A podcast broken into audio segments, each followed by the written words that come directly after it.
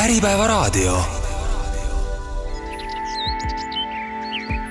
mets ja majandus.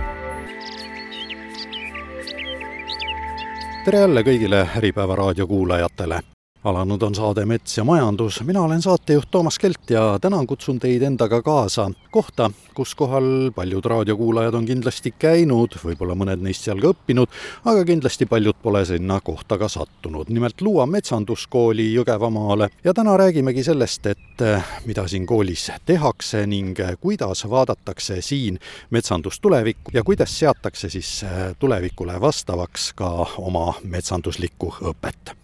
alustame seda juttu siis kooli direktori Hanna Suuba-Reinsaluga ja kõigepealt võib vist Luua metsanduskooli õnnitleda, sel aastal täitub seitsekümmend viis aastat. suur aitäh, tõesti, nii see on. sellel sügisel tähistame oma seitsmekümne viiendat tegevusaastat ja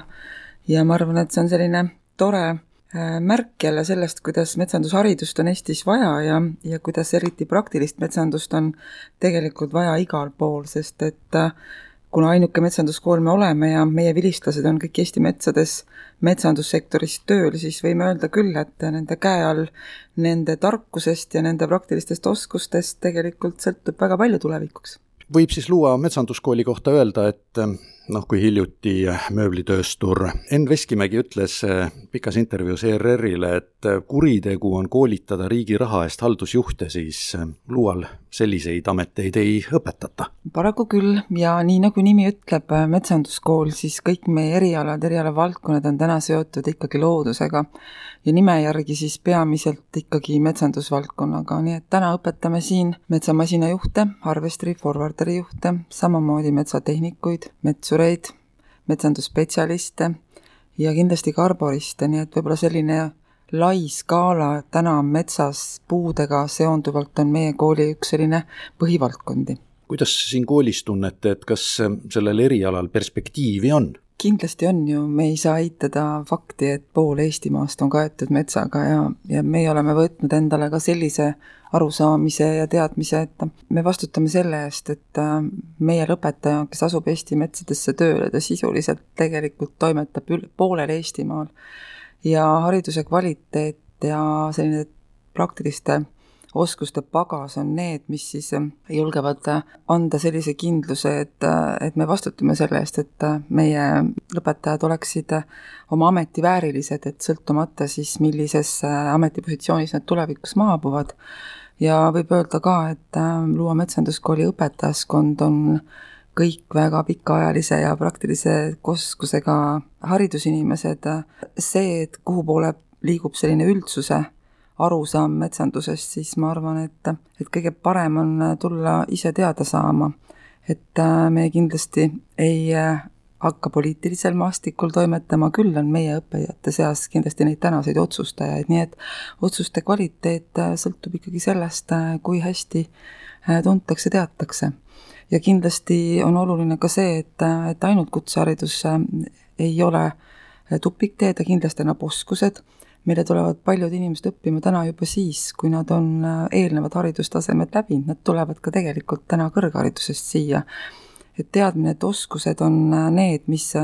mis annavad tulevikuks võimaluse päriselt ka midagi teha, on, on üks selline märgu, märgukivi, ma arvan küll, Eesti hariduses. ja teiselt poolt noored me arvame, et selline haridustee, kus läbi oskuste jõuad sa kiiremini tööturule, jõuad sa juba iseseisva elu peale, võiks olla siis sõnum eelkõige noortele inimestele. kas neid noori jätkub, kes tahavad õppima tulla? jaa, neid on täna kenasti olemas meil, erialade vastuvõtud on kaetud, on konkurssidega, kindlasti ootame me juurde neid noori, kes tegelikult sellise praktilise käelise tegevuse kõrval tahaksid võib-olla tegeleda metsas mõõtmisega, hindamisega. tänane metsandus, näiteks äh, inventeerimised, äh, samamoodi puude seisundite hindamised, et äh, need on tegelikult väga palju sellist arvutitööd nõudvat ja väga kaasaegset tehnoloogilist tarkvara teadvat. Nii et tegelikult jagub meil erialasid kõikidele, jagub nendele, kes tahavad ise käeliselt nokitseda metsas, aga samas jätkub ka kõrgtehnoloogiliste metsamasinate õppesse, et nii et, nii et uus vastuvõtuperiood on tegelikult kohe-kohe algamas, praktiliselt nädala pärast ja, ja, ja see tähendab seda, et äh, täpsem info on meie kodu, kod, kodulehel kenasti väljas, nii et võib, võib sinna klikata ja vaadata, nii et metsanduses jätkub äh, õpet, haridust äh, kõikidel mm, tasanditel ja ma arvan, et üle elukaare, aga loomulikult noored, sest esimene töövalik peaks olema see, mis annab edasiseks eluks suuna hiljuti, kui toimus Eesti metsanduse visioonikonverents, siis seal oli ka juttu tööjõuvajadusest ja tööjõust metsanduses. noh, igale poole seda tööjõudu ei jätku, nagu väga paljudes teisteski Eesti sektorites. nii on metsanduses ka, et ega me ei ole mingi erand Eesti majanduses, et paraku noorte sündivus on ju jõudnud äh, sinna, kus ta võib-olla mõne jõnksu veel teeb ja, ja siis hakkab ühtlaselt äh, jälle langema, nii et, et me konkureerime, ma usun, kõik majandussektorid omavahel, aga ma arvan, et looduses ametikohti, metsanduses oma olemuselt äh, võib-olla isegi ei kao, sest et äh, tööjõu-uuringud äh, läbi OSKA prognooside kinnitavad seda, et mõningaid ameteid on tegelikult äh, hoopiski juurde vaja. kindlasti on juurde vaja vanuselise koosseisu pärast lahkuvate inimeste asenduseks, aga kindlasti on tekkimas ka mõningaid uusi selliseid äh, suundi, ehk et ehk et ma arvan, et, et meil on, keda õpetada, aga võib-olla tähtis on ka see õppe sisu, et see on kindlasti muutumas, nii et prognoosid ju ütlevad ka, et, et ilmselgelt päris äh, käsitsi tööd metsas sellisel viisil äh, raielankidel tegelikult enam nii palju ei oleks. Nende on ikkagi masinate töö, see on ohutum, aga teiselt poolt üha rohkem peab metsandus ja metsatöö tegelikult sidustuma võib-olla siis ka selliste maastikega ja võib-olla sellist käsitsi tööd, sellist ütleme isegi niimoodi kujunduslikku raietööd kuskil mm, linnade asulate juures, maakohtades, sellistes kohtades, mida inimesed kasutavad võib-olla rohkem et tegelikult metsamees peab hakkama rohkem võib-olla mõtlema see, kuidas tema töö sobitub maastikesse, nii et võib-olla see on üks selline väljakutse, metsakasvatuslikud võtted, et mida me siis omakorda ka kõike õppesse ja õppekavadesse sisse oleme panemas, nii et toimetame selle nimel, et, et kaasas käia ühelt poolt sellise majanduse valdkonna vajadusega, aga teiselt poolt ka metsanduse ja ühiskonna enda selliste võib-olla natukene muutuvate seisukohtadega, et see on ka kooli eesmärk pakkuda parimat õpet ja, ja pakkuda siis äh, Eesti metsandusele tulevikuinimesi. missugune on see koolijuhi pilk õpilasele? väga tihti räägitakse veel ka sellest, et tänapäeva noored noh, sellised lumehelbekesed ei taha mitte midagi teha, tahavad ainult äh, arvutis ja telefonis istuda, ehkki metsanduses käsitsi tööd jääb küll järjest vähemaks, sellest mööda ei pääse kas noored peavad sellele vastu või, või on nad üldse sellised lumehelbekesed, nagu väga tihti öeldakse? no tõenäoliselt on kõike, et äh, küsimus on, et milliseid valikuid tehakse ja kes äh, tulevad metsandust õppima. Metsandust tuleb õppima noorte puhul täna täpselt seesama läbilõige Eesti ühiskonnast, kes tõenäoliselt ka paljudesse teistesse koolidesse läheb. et ma arvan, et on täiesti normaalsed, ägedad noored inimesed, poisse on rohkem kui tüdrukuid, seda võin küll öelda, et paraku võib-olla see valdkonnatöö määrab ära ka see, kes siis õppima tuleb. aga kooli ülesanne on korraldadagi õpet selliselt, et see noor õpiks, et see õpe vastaks tema vajadustele ja tegelikult ka huvidele. õppija huvid ühes, ühes õppeprotsessis on üliolulised ja, ja on äge vaadata, kuidas õppima tulevad näiteks noored mehed, nende, nende selline huvi ongi masinad, tehnika teiselt poolt on need noormehed, kelle huvi on loodus võib-olla rohkemalt, võib-olla ka sellised bioloogilisemad väärtused, et nad on hästi erinevad ja võib-olla veel, veel üks koht, et ei tasu karta õppima tulekule, et kas sa oled piltlikult öeldes Tartu Annelinnast või, või Tallinna Lasnamäelt või sa oled Põlvamaa metsade vahelt metsandustalust pärit, et tegelikult siin saad sa kokku kõigi oma kaaslastega ja, ja julgen öelda küll, et meie õpetajate tugi ja tänane õppekorraldus õppe läbiviimisel toetab hästi just sellist suurema maailmapildi tekkimist, et me käime hästi palju väljas, me käime metsandusettevõtetes, me käime kultuurisündmustel, me käime muuseumites, meil on koolis noortele tagatud mentorsüsteem, et neil oleks oma enda isikuarengu toetaja olemas, õpilasnõustaja ja loomulikult noormeestele kohaseid neidudele, miks mitte erinevaid huvialasid, alates siis äh, raiespordist kuni siis äh, tavaliste loodusorienteerumiste ja, ja, ja pallimängudeni välja, nii et tegelikult seda kõike me pakume, nii et, et võib-olla siis niimoodi, et, et see keskkond on see, mis mis täna siia noored kokku toob, et sa ei pea alati linnas elama, aga sa võid iga hetk linna minna, et seal nii-öelda oma huvialadega tegeleda, aga tegelik elu ja võib-olla see tulevikutöö ikkagi seob sind looduse ja, ja see on reeglina ikkagi linnast väljas. missugune on õpilaste selline vanuseline jaotus, et väga palju on ju praegu neid inimesi, kes juba eelnevalt midagi muud teinud, tahavad nii-öelda karjääris pööret teha, tulevad õppima, et palju siis on täiskasvanuid ja palju neid noori on? niimoodi võib öelda võib-olla suhtarvudena, et,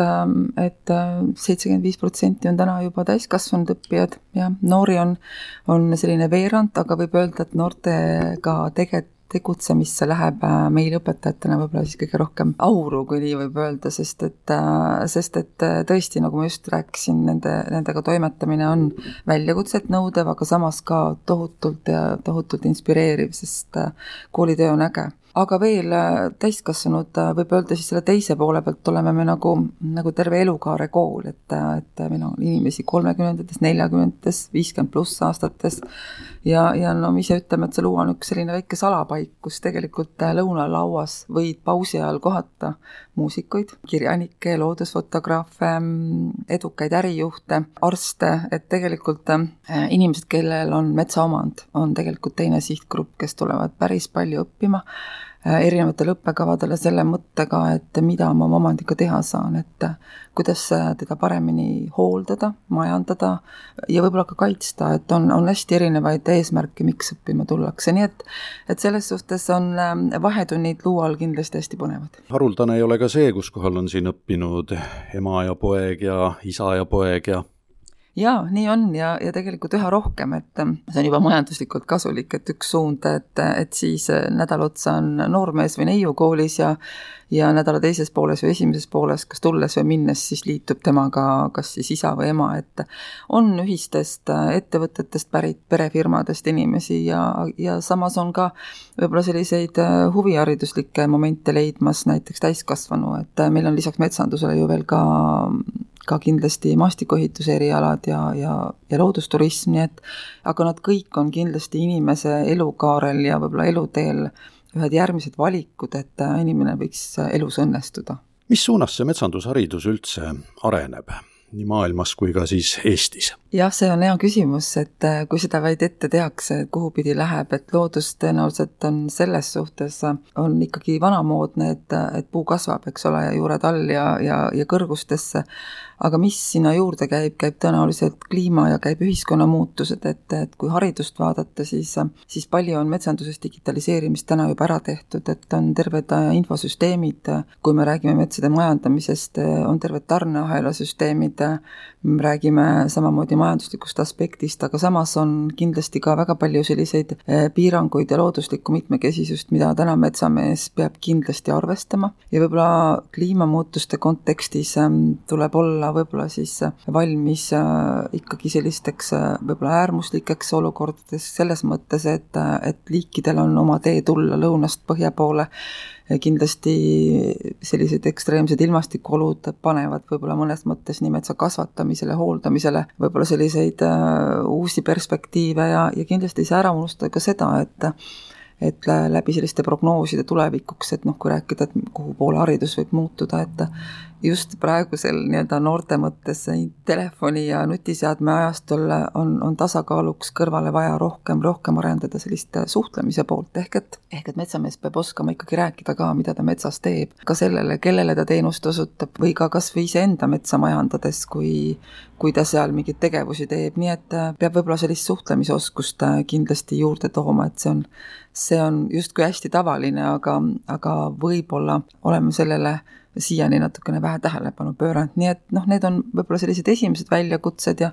ja kindlasti on meil siin selliseid kaasnevaid mõtteid ka Maaülikooli metsanduse kõrghariduse rahvaga, et et luua võib-olla sellist paindlikku ja kiiremat teed läbi mitme haridusliigi, näiteks kutseharidusest kõrgharidusse ja võib-olla ka vastupidi, et täiendada äh, sellist, kuna me sellised ainulaadsed Eestis oleme, et täiendada selliseid õppekavaliine ja võib-olla siis ka sellist praktikate poolt omavahel, nii et noh, selliseid mõtteid me täna mõtleme jätkame oma juttu Luua metsanduskoolis ja vaatame nüüd natukene põhjalikumalt ka nende asjadele otsa, mida siin koolis õpitakse ja mida õpetatakse. minu järgmiseks vestluskaaslaseks on Luua metsanduskooli õpetaja ja metsanduslike õppekavade hoidja Veiko Peelials. missugused erialad siis äh, on, mida Luua metsanduskoolis metsanduse alla loetakse, et kelleks õppida saab? saab õppida metsakasvatajaks, saab õppida metsuriks, metsatehnikuks, pärast siis jätkuõppes on võimalik ka metsamajandamise spetsialistiks saada no mulle tundub, et tavakuulaja ütleb, et üks metsamees see kõik, et missugused erinevused nendel aladel on? kõige lihtsam võib-olla on öelda metsuri ja metsatehniku, metsatehniku nimetus nüüd ilmselt läheb muutmisesse, tuleb metsatakseerija. see juba natukene annab aimu, et äh, metsur töötab võib-olla rohkem siis ise kätega nii-öelda, teeb saegatööd ja taksaator ehk siis vana nimega metsatehnik, äh, tema siis tegeleb rohkem metsa mõõtmisega. ja no metsakasvataja õppekava, seda me oleme eelkõige kasutanud kõige rohkem siis äh, metsaomanike koolitamiseks, harimiseks, et äh, neile see sobib, see on selline natukene lühem, aga annab samas ka kõik põhiteadmised ikkagi kätte, kuidas oma metsas toimetada kaasaega metsas tööd tehes tuleb ju metsamehel pidevalt langetada valikuid, teha otsuseid, kuidas metsa kasvatada, milliseid puid valida, mida alles jätta, mida eelistada, otsustamine on väga tähtis. nii et ilma peata, ilma õppimiseta tegelikult, sest see seda pead treenib, ei saa midagi tarka teha. ega ei tule välja jah, ei ilma õppimata ei saa tänapäeval midagi ja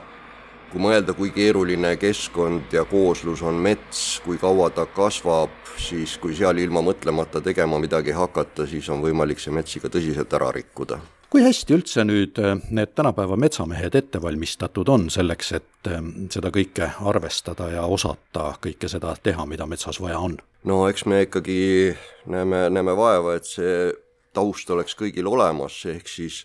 selline põhimetsa teadmiste alus me üritame seda ikkagi sättida kõikidesse õppekavadesse niimoodi, et kõik, ükskõik mis erialal ta siis ka lõpetab, kas või ka masinamehed, et nad ikkagi selle metsandusliku põhiteadmise saaksid enam-vähem ühtemoodi kätte, et see ettekujutus, mis on mets, kuidas seal toimetada, et see võiks kõigil baasteadmisena olemas olla. no mida te siin Luua metsanduskoolis räägite, et mis mets on? Mets on keskkond, mets on kooslus, mets ei ole ainult puud, puude taga tuleb metsa näha. et see on nagu see kõige olulisem asi? jah, sellepärast et äh, need keerukad seosed, mis seal metsas toimivad, äh, me peame ju nendega paratamatult arvestama, me peame arvestama, mis on need protsessid, mis metsas toimuksid ka ilma inimeseta. ega me ei saa nendega ju vastuollu minna. noh, see on ju vana tõde, et äh, mets saab ilma inimeseta hakkama, aga vastupidi on keeruline, mis tähendab, et me peame ikkagi teadma, mida me saame seal teha, mismoodi me seda saame seal teha. Ja ikkagi looduslikke protsesse aluseks võttes me saame neid protsesse natuke kas siis kiirendada, natuke siia-sinna suunata, aga loodusega vastu, vastuollu minna ei saa missugused inimesed need on, kes tulevad siia Luua metsanduskooli metsandust õppima, et enne kui direktoriga rääkisime, siis oli ka jutuks see, et tegelikult äh, väga paljud nendest on juba täiskasvanud inimesed, aga noortega, et nendega tuleb rohkem vaeva näha, et on neil kõigil nagu selline tahtmine juba olemas ja teadmine ka, enne kui nad õppima hakkavad, et mida nad üldse teevad? no selles mõttes on õige, et täiskasvanutega kindlasti on lihtsam ja täiskasvanuid meil tõesti ka on, on palju ja nemad enamasti teavad natukene paremini, miks või, või mida. või siis jah, on selliseid variante ka olnud, kus äh, tullaksegi just selle tahtmisega, et tahakski rohkem teada, mis seal metsas toimub, kuidas see mets kasvab. aga, aga jah, on metsaomanikke, on inimesi, kes tahavad karjääripööret teha, nendega on lihtsam jah, võib-olla selle noore inimesega, kes tuleb äh, koolipingist otse noh, temaga võib-olla on vähekene keerulisem, et eh, selles vanuses, no kes siis ikka nii väga täpselt teab, mis see elu peaks tooma või kuidas kujunema, et äh, et on seal ka väga teadlikke valikuid, noh teinekord on see isiklik huvi, teinekord on see mingisugune eh, kellegi eeskuju suguvõsast, traditsioon võib-olla lausa, aga kindlasti on ka neid, kes tulevad, noh, ma ei tea, sõbraga kaasa nii-öelda, see noorte motivatsioon kindlasti on natukene teistsugune, natukene erinevam kui täiskasvanul on noorte seas ka see väljakukkumine suurem või seal erinevust ei ole, et kui õppimine ikka väga raskeks muutub ja inimene tunneb, et ta ei saa hakkama või et asi on vale tema jaoks, et siis läheb ära? jah, ega siin seda erisust nüüd nii väga lihtne välja tuua ei ole, et äh, et ega see täiskasvanud inimene ka, isegi kui ta teab, mida ta tahab, seisab tihti hoopis teiste probleemidega silmitsi, et äh, töökohavahetused, mis takistavad võib-olla jätkuvalt koolis käia, elumuutused, noh, on ka olukordi olnud, kus ei kujutata ette, kui suur koormus see töö ja muu elu kõrvalt õppimine võib olla, et lihtsalt ühel hetkel ei, ei saada võib-olla enam hakkama.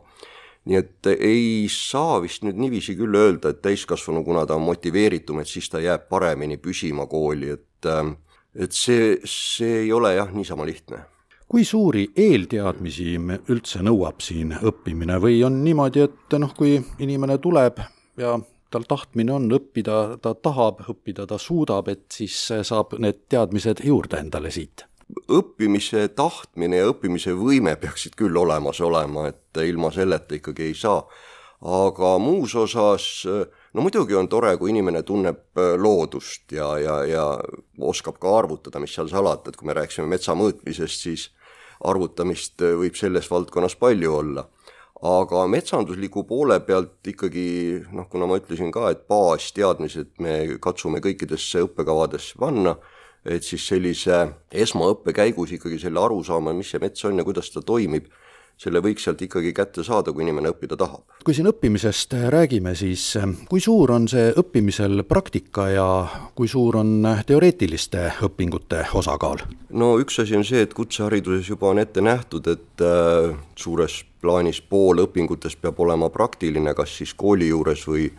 või siis ka ettevõtetes ja eks me siis äh, oleme seda üritanud ka niimoodi sättida, julgeks pakkuda, et äh, et see praktiliste asjade osakaal mõnevõrra on isegi vaata et suurem, sest äh, hästi paljud sellised tunnid, noh, mida me oleme harjunud pidama teoreetilisteks, ega siis õpetajad käivad nende käigus ju ka väljas, metsas, looduses, mitte ei ole kõik klassis laua taga sest noh, kas või neid taimi või, või puuliike või neid kohti, kus nad kasvavad, mõistlikum on ju minna ikkagi vaatama sinna, kus nad kasvavad, mitte, mitte klassis pildi pealt nii et ka sellist teooriaõpet äh, tehakse ikkagi palju väljas ja selle võrra selline praktilisem äh, pool on, on ma ei tea, ma julgeks pakkuda ikkagi üle poole kõvasti. aga praktika käigus õpitakse siis kõik vajalikud oskused selgeks, nii palju kui neid koolis üldse õpetada saab? jaa, no kindlasti vilumused kujunevad ju hiljem töö käigus, aga olenevalt siis erialast, et kas see on siis see saetöö harjutamine või on see nende mingite mõõtmis, mõõtmisvõtete harjutamine, et seda ikkagi koolis tehakse noh, vähemasti nii palju, et ettevõttes praktikal peaks nagu hakkama saama ja ja no selge teistpidi on ka, et ega sada protsenti kõiki asju koolis ju võib-olla ära näidata ei ole võimalik, just eriti väga tehnilistel aladel. noh, lihtsalt näitena, et kui metsamasinate puhul tööandjatel on neid masinaid lõpptulemusena kokku rohkem marke, kui koolil ilmaski olema saab, see on kõikide tehniliste aladega niimoodi. aga sa saad selgeks põhitõed, sa saad selgeks põhitoimimise et sul oleks lihtne ettevõttes siis ka ümber õppida siis selles väheses osas, mis puudutab seda, et ma ei tea, masinamark või mudel on vähe teistsugune. missugune on olnud ettevõtete tagasiside nüüd nende õpilaste kohta, kes praktikale tulevad, jäävad nad nendega rahule või annavad nad ka sellist tagasisidet, et äh, seda ja teist oleks juurde vaja? eks me küsime ju mõlemat pidi tagasisidet, et äh, nii seda, milles äh, õppijad olid edukad, mis neil hästi läks kui küsime ka, et mida neil oleks vaja siis täiendada, juurde õppida. senimaani enamasti on nagu need erialased asjad kenasti korras, pigem kui see tagasiside tuleb, mis on, mis on arusaadav ka noorte inimeste jaoks võib-olla ongi keerulisem, tuleb, tuleb seda tagasisidet, et noh, rohkem julgust, rohkem ettevõtlikkust või sellist initsiatiivi, suhtlemisoskused, noh, mis ikkagi tänapäeva nutistunud maailmas kipuvad natuke eh, nõrgaks vahest jääma. Ja, ja samas tööandjad ka ise tunnistavad, et nad saavad täiesti aru, et see initsiatiiv ja julgus ja kõik sellised asjad, et need tulevad ka ju kogemuse ja aastatega ja kui kogemust on vähe, ega siis eh, õppija ise ütleb ka, et ega alati ei julgegi kõiki asju võib-olla pakkuda või, või, või mingeid ettepanekuid teha, et noh, äkki läheb väga viltu midagi. Kardab olla rumal? jaa, jaa, see hirm kipub olema ja, ja see vist sellises koolieas, see on kuidagi, ma ei tea, kas lausa sisse harjutatud, et sa pead nagu alati õigesti vastama ja ja siis on hirm eksida. aga tööl olles ei tohi seda karta enam? jah ja seda me näeme ka, kui me küsime õppijate käest pärast praktikalt tulekut, et et kuidas see enesetunne siis nüüd on, nad tavaliselt ütlevad, et oluliselt julgem on ja enesekindlust on rohkem, sest nad on näinud, et et nad saavad hakkama, et nad on praktika käigus ka edenenud oma oskuste poolest ja nad lähevad juba, juba kas või teisele praktikalegi oluliselt parema tundega või siis ka tööturule, kes, kes otse otse pärast viimast pikka praktikat tööle peab minema. kas Luua metsanduskoolis metsanduseriala lõpetaja võib julgelt minna peaaegu igasse Eesti metsandusfirmasse, kus töötajaid vaja on, öelda, et ma tulen teile tööle? jaa, ma usun küll. senimaani on meie tagasiside, mis me oleme saanud ikkagi ka tööandjate käest selline, et äh, Luua lõpetajad on hinnatud, loomulikult hästi palju sõltub lõpuks inimesest endast, et äh, ega paber ju tööd ei tee, inimene teeb tööd, aga eeldused selleks, et sind võetakse hästi vastu, sa oled hinnatud spetsialist, noh minu meelest need on olemas. Öelge, miks tasub Luuale tulla metsandust õppima? no esiteks me oleme ainukene metsanduskool Eestis, kes annab praktilist metsaharidust ja just nimelt see metsas ise tegemine, see praktilise töö osakaal, et, et see ei ole selline laua taga õppimine, see on ikkagi praktiline, ega seda mujalt ei saa kui äh, Luua metsanduskooli puhul võib rääkida paljudest unikaalsetest asjadest, et noh, ainukene kool, mis õpetab äh, praktilist metsandust ja erialad on siin sellised, mida mujal õppida ei saa, siis üks eriala on selline, mida mitte kunagi mitte kusagil mujal koolis Eestis õppida pole saanud, õigemini see on mitu eriala koos. räägime metsamasinate operaatorite õppest ja minu vestluskaaslaseks on metsamasina õppeüksuse juht Meelis Kall. no pikki aastaid on metsamasinad olnud Luua metsandus metsanduskoolis metsanduslikest erialadest kõige populaarsem, on see praegu ka niimoodi? nii see on, metsamasina operaatorite erialad eh, on jätkuvalt läbi nende aastate üks populaarsemaid erialasid, kuhu siis noored täna võime öelda ka mitte ainult poisid, aga ka tüdrukud soovivad tulla õppima. me räägime siis harvesteri operaatoritest ja forwarderi operaatoritest, ehk siis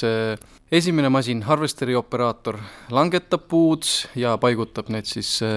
metsas grupiiti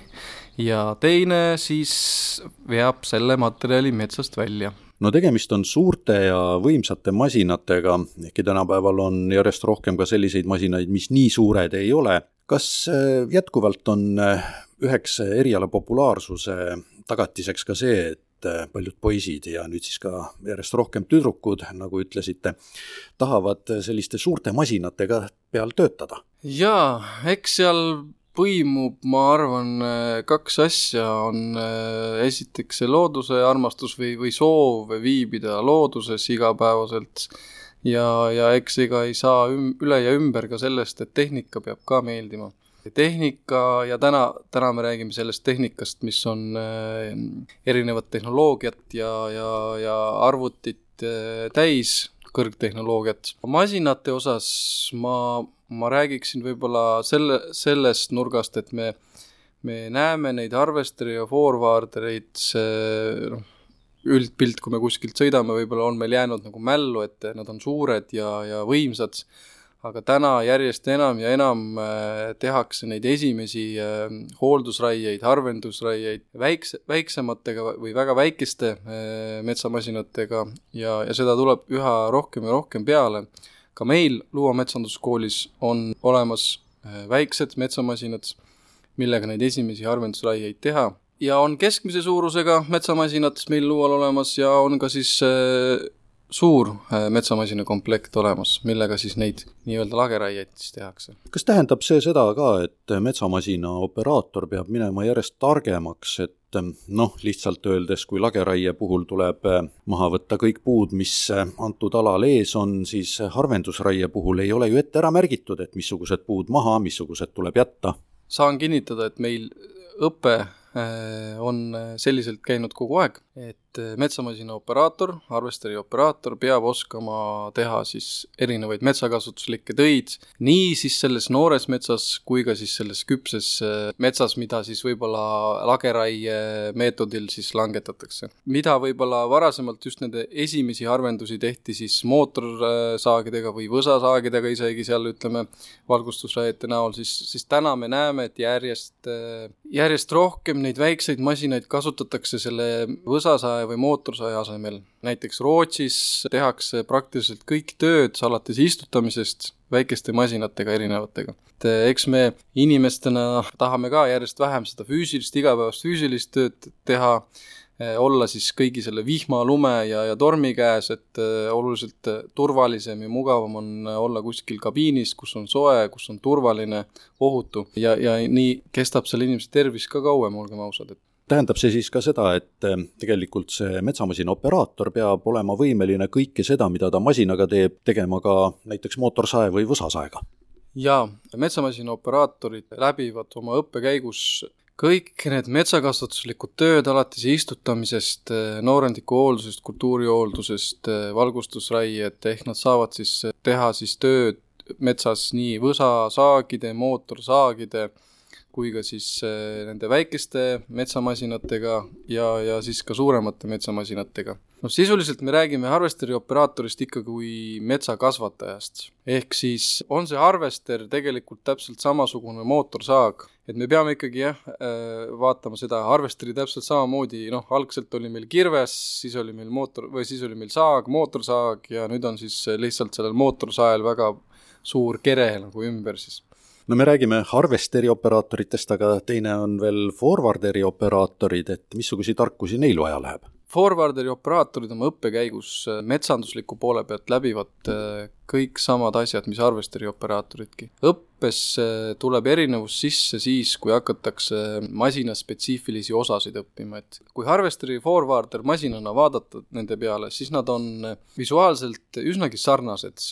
erinevus seisneb selles, et ühel on äh, lõikepea tõstuki otsas, mis siis äh, langetab neid puid või aitab langetada neid puid ja teisel forwarderil on tõstuki otsas haarats, millega saab neid harvesteriga langetatud äh, notte tõsta siis koormasse ja viia neid siis metsa äärde, kus siis metsavälja või auto tuleb, võtab need peale ja viib neid siis sihtpunkti ja see tähendab siis ka seda, et forwarderi operaator peab väga hästi seda materjali tundma, et oskaks õigesti jagada juba niimoodi kabiinist vaadates, et ahah, see on üks sortiment, see on teine sortiment. just, forwarderi operaator peab väga hästi tundma erinevaid metsatüüpe, sest et kui harvesteri operaator võib sellest seal metsas tehes näiteks hooldusraieid, valida siis sealt äh, need, need puud, mis on siis kas juba kuivanud või on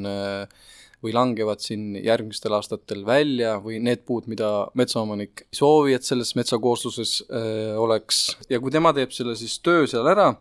siis võib-olla paari aasta pärast pole isegi näha, et keegi oleks seal käinud. nüüd forwarderi operaatorist sõltub see, milline selle metsa pilt jääb et kui me oleme kuulnud äh, meedias ja, ja, ja mujal, et kui metsamasinad on metsas ära käinud, et siis on seal jäljed maas, siis see, kas need jäljed on või millised need jäljed on või kas neid jälgi ei ole, sõltub suuresti sellest forwarderi operaatorist ja tema oskustest ja tema teadmistest samamoodi. et lihtsalt öeldes, kui harvester sõidab ühes kohas üks kord, siis äh, forwarder seal selle kokkuveoga sõidab ühes kohas mitu korda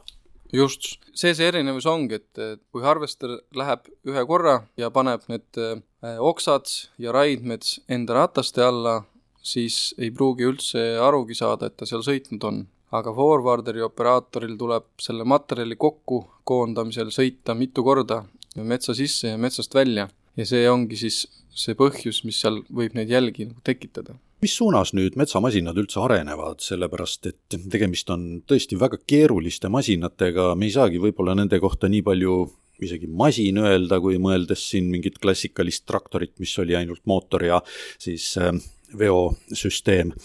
et äh, tegemist on ju rohkem juba nagu IT-süsteemidega kui ma ennist äh, rääkisin seda, et äh, peab olema inimesel või, või tavaliselt, kes siis tuleb operaatoriks õppima, et on see soov olla looduses ja, ja, ja metsas ja, ja, ja ka tehnika huvi, siis aina rohkem ja rohkem täna ei saa me üle ja ümber sellest, et see operaator peab olema ka väikest viisi IT-spetsialist, ehk siis äh, nendes metsamasinates tuleb järjest rohkem ja rohkem erinevaid, äh, ütleme, need arvutisüsteemid ja see, kuidas see masin siis töötab, on seotud nii paljude erinevate arvutiprogrammide ja tarkvaradega, et ainuüksi masina seadistamiseks peavad olema väga head arvutioskused. ja lisaks siis sellele mm, masina töötamisele, nendele programmidele on siis neid lisandunud juurde erinevaid abiprogramme, et eh, näiteks on siis kaardiprogramm, et samal ajal, kui sa sõidad, siis sa ka näed, kus sa täpselt seal metsas oled, kuhu sa selle materjali paigutasid, et kui harvesteri operaator on ära sõitnud, siis forwarderi operaator näeb oma arvutiprogrammis, kus täpselt mingisugused äh, notid on, kus see arvester on sõitnud, kus on mingisugused äh, arvesteri operaatori poolt pandud mingid märked, pehme koht või, või kuhu, kuhu ei tohiks sõita ja nii edasi. lisaks siis programmid, mida saab siis äh, metsaomanik nagu vaadata, et, et reaalajas saab ka metsaomanik jälgida, mis siis seal metsas nagu toimub, kuidas siis see arvesteri operaator seal toimetab või forwarderi operaator seal toimetab, et ja, ja ka tööandja, kes on siis masinaomanik, et erinevaid selliseid programme programme, tarkvarasid on välja mõeldud ja neid tuleb järjest juurde, mis siis võimaldavad reaalajas jälgida, kus, mis, mida tehakse ja kus ollakse ja, ja nii edasi. näiteks ka, kui masinal tekib mingisugune tõrge, on ta siis mehaaniline või on ta siis elektriline äh, või on ta hüdrauliline, siis masinaarvuti suudab ära tuvastada, kus koha peal see rike on ja anda ka selle rikke teavitus kohe kuvada ekraanile ja operaator peab siis oskama aru saada, et kus, mis ja milline siis see rike on äh, ja, ja lähtuvalt sellest ta saab ka siis kohe hakata seda, seda masinat siis parandama. Kui tekib mingisugune rike, mis võib põhjustada masinale või siis sellele loodusele suuremat kahju seal, ütleme, hüdrauliline rike, et siis masin oskab ka ise oma töö lõpetada tundes ära, et see rike on selline, mis, millest võib kahju tekkida. kuidas nüüd selliste operaatorite väljaõpe üldse käib, kui palju on teooriat, kui palju praktikat? suures plaanis äh, ma jagaksin selle õppe kolme ossa.